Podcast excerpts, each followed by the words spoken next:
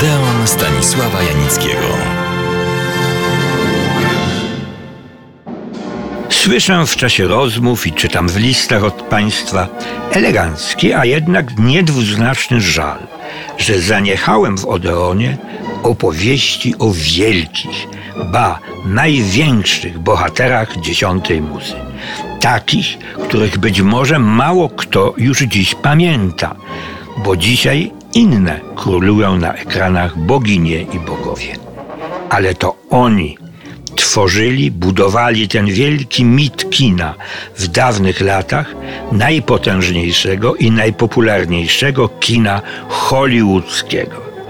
To hollywoodzcy producenci finansowali, czasami zbyt stanowczo i egoistycznie, filmy, które wyświetlane były dosłownie na całym świecie to hollywoodzcy reżyserzy te filmy kręcili, hollywoodzcy operatorzy je fotografowali, a nade wszystko grały w nich damskie i męskie wielkości aktorskie.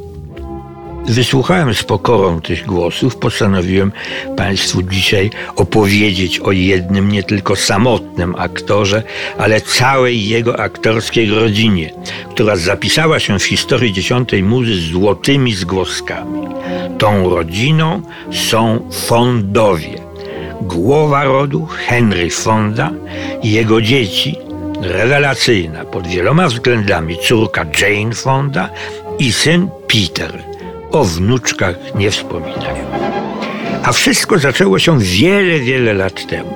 Pierwszym miejscem pobytu i życia rodziny była włoska Genua, z której przenieśli się do Niderlandów, a wkrótce w wieku XVII do Ameryki. Wraz z pierwszymi Niderlandczykami, dzisiaj powiedzielibyśmy Holendrami, którzy założyli bagatelka Nowy Jork.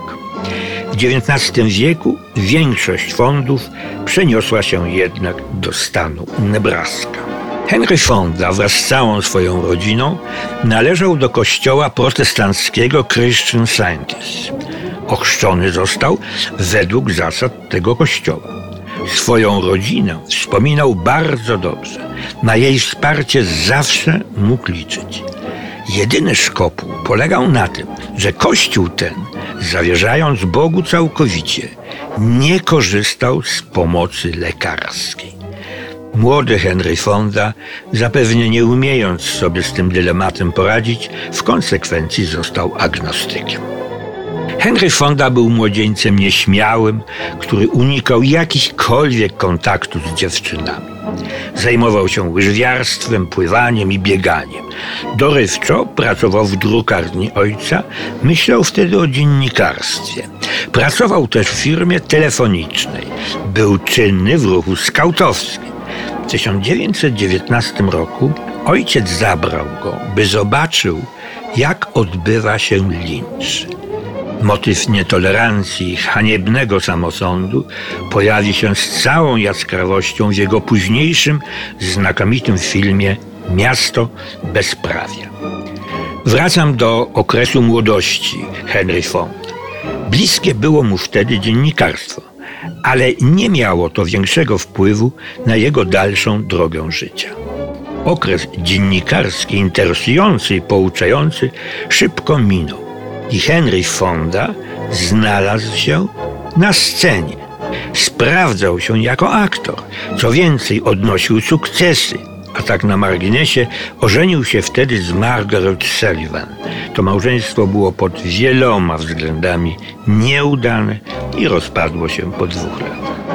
Kariera Henry Fondy widoczna była wtedy przede wszystkim na scenie którą zresztą uwielbiał i odnosił na niej efektowne sukcesy. Nic więc dziwnego, że zainteresował się nim Hollywood. Pierwszy film, w którym wystąpił w 1935 roku, nosi tytuł Skąd my to znamy? Rolnik szuka i znajduje żonę. To była ekranizacja głośnego wówczas spektaklu, w którym Henry Fonda występował. Przyjęty on został przez Hollywood, zarówno przez jego władców, czyli producentów, jak i współbraci, czyli aktorów, bardzo dobrze. Zaprzyjaźnił się wtedy z Jamesem Stewartem, innym znakomitym aktorem i wspaniałym człowiekiem. Ich prawdziwa męska przyjaźń trwała, choć brzmi to patetycznie, dozgonnie. Z powszechnie znanych ploteczek wspomnę kolejne małżeństwo Henry'ego Fordy z Francis Ford Seymour, bogatą amerykańską rozwódką, która po nie pierwszym załamaniu nerwowym popełnia samobójstwo. Owocem ich małżeństwa było dwoje dzieci. Córka Jane, już wkrótce jedna z najwybitniejszych aktorek, nie tylko hollywoodzkich, ale i światowych, oraz syn. Peter, aktor, producent, reżyser. A o dalszych losach rodu fondów opowiem Państwu za tydzień. Serdecznie do Odeonu zapraszam.